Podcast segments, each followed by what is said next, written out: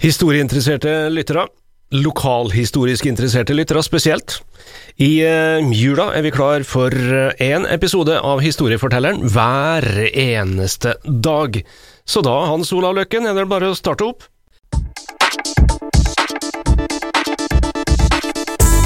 Velkommen til programmet Historiefortelleren, der du får spennende historier fra hele Trøndelag, fortalt av historiefortelleren og krønikeren Hans Olav Løkken i Nea Radio.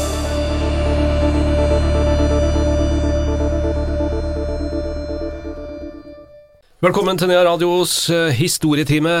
Vi har Hans Olav Løkken på plass, og eh, i dag, Hans Olav, skal vi tilbake til jernbane. Men i dag skal det handle om en tragedie. Vi er tilbake til 1940. 1940, ja. Eh, krigen var jo på en måte i gang, og, men likevel så var det jo sånn at, eh, og som da er veldig omdiskutert, for og imot, det var jo veldig mange som jobba for tyskerne på Værnes. Det er jo kjent, vi eh, skriver vel et sted mellom 2500 og 3000, med myndighetenes godkjenning. Og eh, da skjer det en togulykke, for det kommer et da såkalt arbeidstog fra byen, med alle de her menneskene. Da. Det var jo blending for, på den tida, det er eh, steintid om morgenen, mørkt. Og eh, det skjer altså da en, en misforståelse på Hummelvik stasjon. Vi er i november. Vi er i november, 19. november 1940. Og vi bryr oss kanskje ikke så mye om den tekniske årsaken her, men vi går til en familie. Oppe oppafor jernbanestasjonen på Hell, der eh, bor det en familie som het Hoås, og eh, han Anton, faren i familien, og han Per, sønn på 16 år, de går nedover til toget. De skulle til Trondheim for å kjøpe hoppski til han Per på 16 år, han var et talent. Og eh, de kommer ned. Toget på den tiden, ja, det er omtrent akkurat som i dag, det. Var to sånne vogner som pila att og fram. Nå piler det att og fram, opp og ned, ned nord og sør, hver time. Mellom Steinkjer og, og, og Lundamo, er det vel det går nå, da? Trønderbanen. Hvis den ikke regnes helt til Oppdal, da, jeg vet da søren, men jeg tror det går til Lundamo, da, men her. Ja da, sånn at det er et tog som går fra Kopperå i Meråker til byen. Hver dag, fast tid, og de kalte det selvfølgelig for Lokalen. De kommer ned, går inn, og det er fullt. Men det er et par plasser ledige. Så en Anton, han setter seg, skal vi si, med en gang du kommer inn, til venstre, ved siden av en jernbanearbeider fra oppe i Meråker. Og han Per, han er da 16 år, forlater da far sin og går litt framover og finner seg en plass ved siden av en tysk soldat.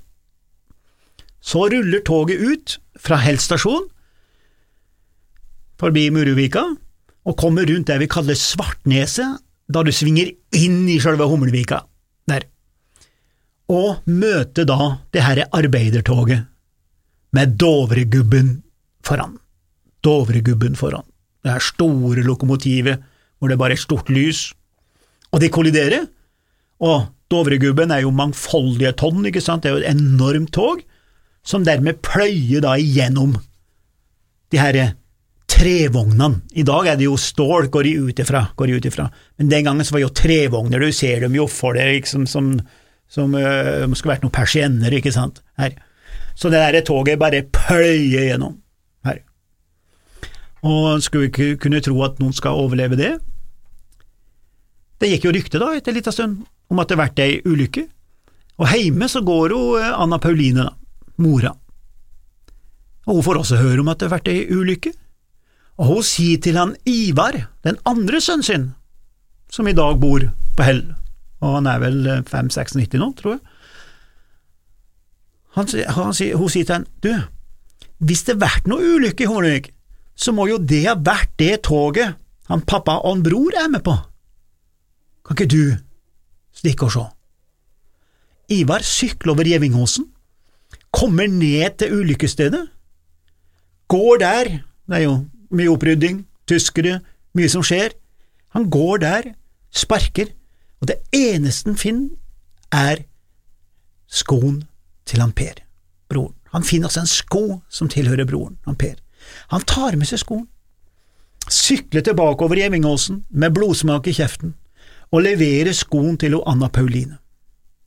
Og i overført betydning så går Anna Pauline med skoen i tre dager til ende att og fram i stua. Hun har mista mannen sin, han Anton, og har mista sin 16 år gamle sønn, Troddo. Samme dag som ulykka skjer, så kom doktor Arntzen, som var da distriktslege i Stjørdal. Han kommer selvfølgelig forbi. Han, med sin autoritet i gåsehudene, går ned til ulykkesstedet, snakker med tyske offiserer og spør kan jeg få se på det som ble igjen, restene. De hadde tatt det som var igjen av menneskene, da, og lagt i en villa oppi bakken der. Den villaen heter da Villa Nordkapp, og det heter den en dag i dag, som står der fortsatt.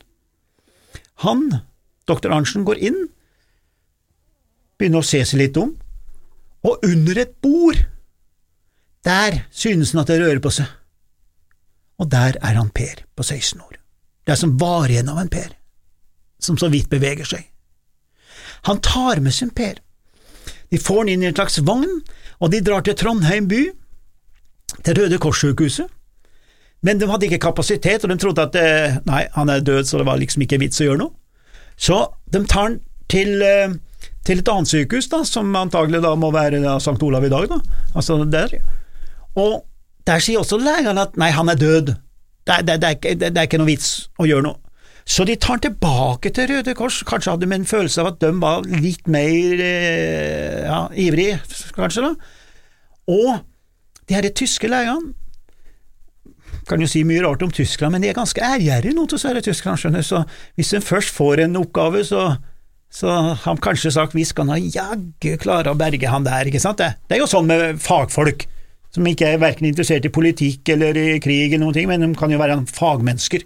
Så de hadde vel sagt som så, vi skal nå prøve i Bergen. Og de lappa han sammen. De lappa han sammen gjennom uh, ukevis og, og, og, en og en halv måned. Han kom hjem uh, vel i jula, og Per bor i dag i en leilighet på Torgkvartalet. Og så Men han ble borte. Han var borte, en Per, altså. Han, det var ingen som visste at han var på sykehuset.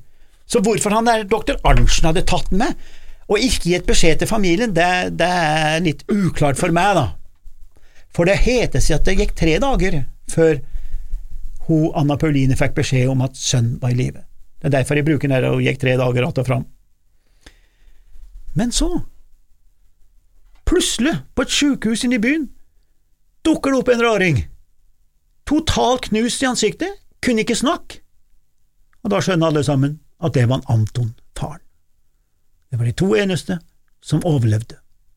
18 stykker omkom i selve ulykka, fire levde en dag eller to til, og så døde de. Det var 22 stykker som døde, hele tolv fra Meråker. Og to overlevde, samme familie, og sitter på to forskjellige plasser i ei jernbanevogn. Hvem, Andreas, hvem har bestemt det? Han nede eller han oppe? Noen må jo ha vært der. Det sa vår historieforteller Hans Olav Løkken, og en ny historie får du fra Hans Olav i morgen.